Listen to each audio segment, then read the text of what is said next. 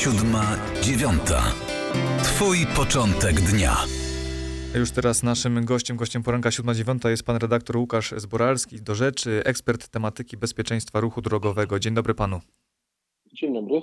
W naszej rozmowie chciałem zapytać o ciekawą rzecz, którą wyczytałem we wczorajszej Rzeczpospolitej, ponieważ donosi ona o tym, że w tym roku zginęło więcej pieszych niż rok temu i choć jest to tylko jeden przypadek śmiertelny więcej niż w 2021 roku, to pod uwagę należy wziąć fakt, że od kilku miesięcy obowiązują bardziej surowe kary za nieustąpienie pierwszeństwa pieszemu, który jest na przejściu lub na nie wchodzi, więc w teorii tych wypadków powinno być znacznie mniej. O czym to wszystko świadczy? Te przepisy się nie sprawdziły, czy to jest za, za daleko idący wniosek? Nie no, proszę zauważyć, że utrzymujemy liczbę wypadków na poziomie roku pandemicznego. Należałoby to odnieść do jakiegoś półrocza 2019, ostatniego porównywalnego roku i to zdecydowanie jest mniej śmierci na przejściach dla pieszych.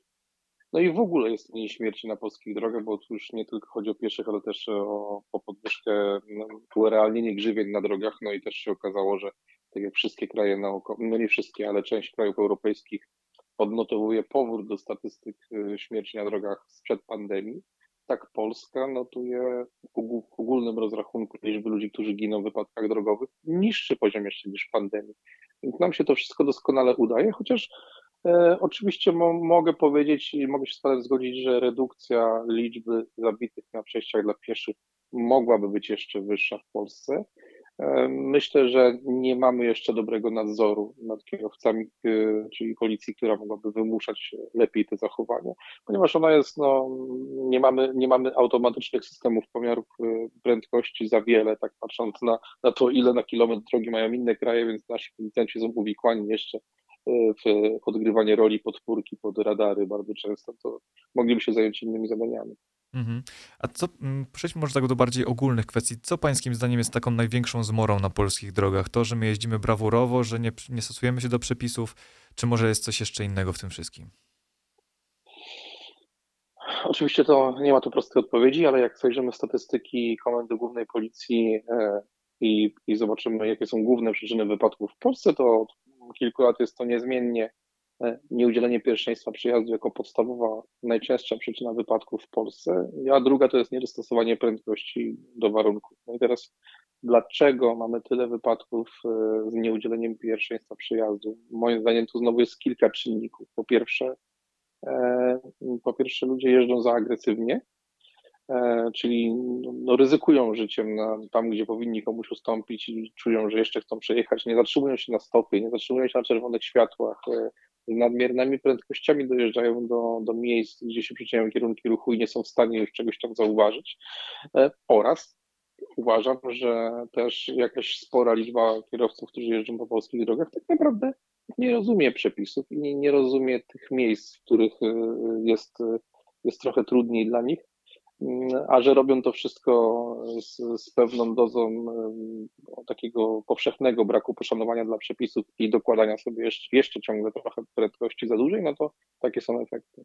No właśnie miałem zapytać o tą kwestię, którą pan poruszył, dotyczącą właśnie tej liczby wypadków. I pytanie moje jest takie, czy to jest właśnie kwestia chociażby też infrastrukturalna, że nie te drogi nie są w taki sposób zbudowane, aby zapewnić większe bezpieczeństwo użytkownikom tej drogi, czy też jednak tym głównym elementem, na który powinniśmy zwrócić uwagę, jest nie tylko umiejętność no, jazdy, e, no bo pewnie każdy, kto jeździ, uważa, że jest bardzo dobrym kierowcą, e, ale czy też właśnie może sposób, w którym my jesteśmy uczeni tej jazdy, czy to jest w ogóle kwestia, nie wiem, mentalności Polaków, z czego to się może brać? Ja zawsze odpowiadam na to pytanie tak. E, Szwedzi, Norwegowie, oni nie są innymi ludźmi. Oni są takimi samymi ludźmi jak Polacy, mają te same popędy, dokładnie jak my. E, I gdyby oni nie mieli e, dobrych rozwiązań infrastrukturalnych, czyli dróg wybaczających błędy i, i jak najmniej narażających na błędy, czyli nie pozwalających popełnić błędy oraz surowego nadzoru i surowych kart, to jeździli pewnie by dokładnie tak, jak to się odbywa u nas.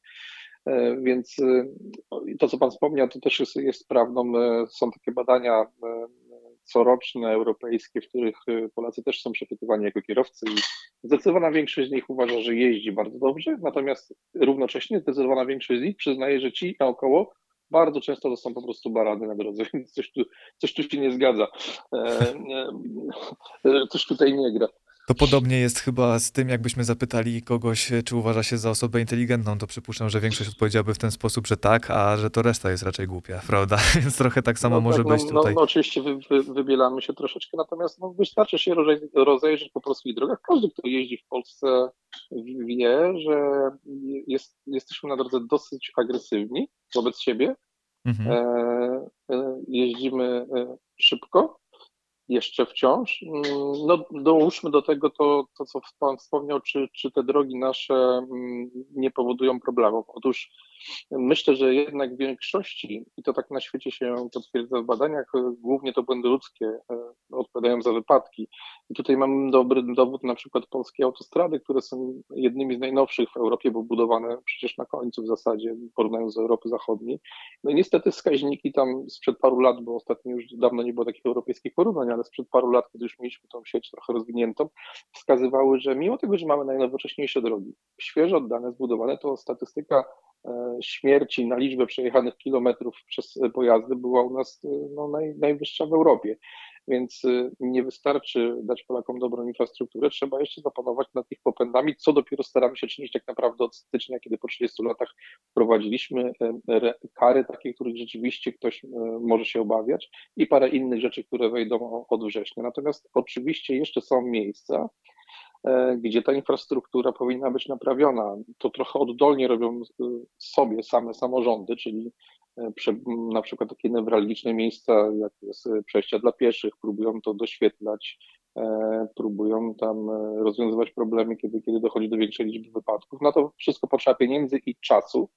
No i też niestety z przykrością powiem, że, że rząd nie narzucił odgórnie samorządom E, e, konieczności przebudowy takich niebezpiecznych miejsc, jak na przykład przejścia dla pieszych przez wiele pasów bez sygnalizacji świetnej.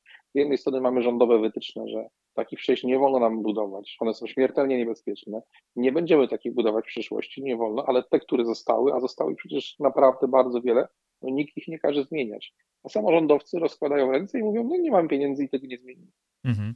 Została nam minuta, ale spróbujmy jeszcze w tej minucie jakoś e, zawrzeć takie to clue. Co pańskim zdaniem jest potrzebne na już? Co zaproponowałby pan już w tym momencie, aby to bezpieczeństwo jeszcze poprawić? No musiałbym, musiałbym taką zrobić bardzo długą listę, ale tak e, w wielkim skrócie. Mhm. Wydaje mi się, że natychmiast powinniśmy wprowadzić to, z czym zwlekamy w prawie od e, ponad 10 lat, czyli odpowiedzialność karną właściciela pojazdu za wykroczenia złapane przez automatyczne systemy. Czyli to ty odpowiadasz za to, że ktoś twoim samochodem popełnił wykroczenie, masz krótki czas, żeby zgłosić, kto to był, jeśli nie bierzesz na siebie za tę karę.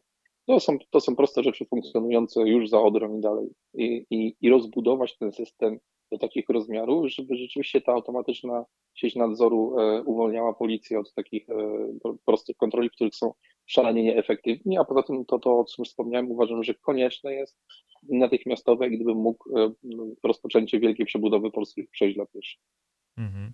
Pańskim zdaniem ta pierwsza z propozycji jest rzeczywiście możliwa do, do zrealizowania i ona może wejść do polskiego prawa w jakimś najbliższym czasie, czy, czy raczej niekoniecznie? Ona jest gotowa od rządów PO-PSL. To są gotowe zapisy, których e, poprzedni rząd bał się wprowadzić. Ten rząd powiedział, że, że się tym zajmie i, i z tego co pamiętam, Inspekcja Transportu Drogowego rozpoczynała takie prace tam chyba z dwa lata temu, chociaż nie wiem dlaczego tak długo pracują, bo te zapisy są gotowe, bo wystarczyło je po prostu e, przepisać. No i to wszystko jakoś tam utknęło. Co jest o tyle dziwne, że ten rząd jako pierwszy właściwie od dekad miał odwagę powiedzieć, że jeśli nadzór ma być realny, no to muszą być te urealnione kary, liczba punktów karnych wyższa i tak dalej. Nie bał, rząd Morawieckiego nie bał się bardzo trudnych decyzji, które przynoszą owoce i ludzie je zrozumieją. Myślę, że powoli rozumieją, że tak jest lepiej. No, a z tym punktem jakoś utknęliśmy. Nie wiem dlaczego. Mhm. Dziękuję bardzo za to wyjaśnienie. Naszym gościem, gościem poranka 7.9 był pan redaktor Łukasz Zboralski, ekspert do spraw bezpieczeństwa ruchu drogowego. Dziękuję bardzo. Dziękuję. I to na tyle, drodzy Państwo, jeśli chodzi o piątkową odsłonę poranka 7.9, a w poniedziałek usłyszymy się z Państwem ponownie. Usłyszę się z Państwem konkretnie Marcin Fiołek. Za dziś dziękuję słuchaczom Radia Nadzieja, Radia Głos, Radia Bobola oraz Palotti FM. Za mikrofonem był Michał Górski, a obok mnie realizował program Emil Gołoś. Dziękujemy i kłaniamy się Państwu. Do usłyszenia. Dobrego poranka życzy sponsor Lasy Państwowe. Siódma dziewiąta. To był Twój początek dnia.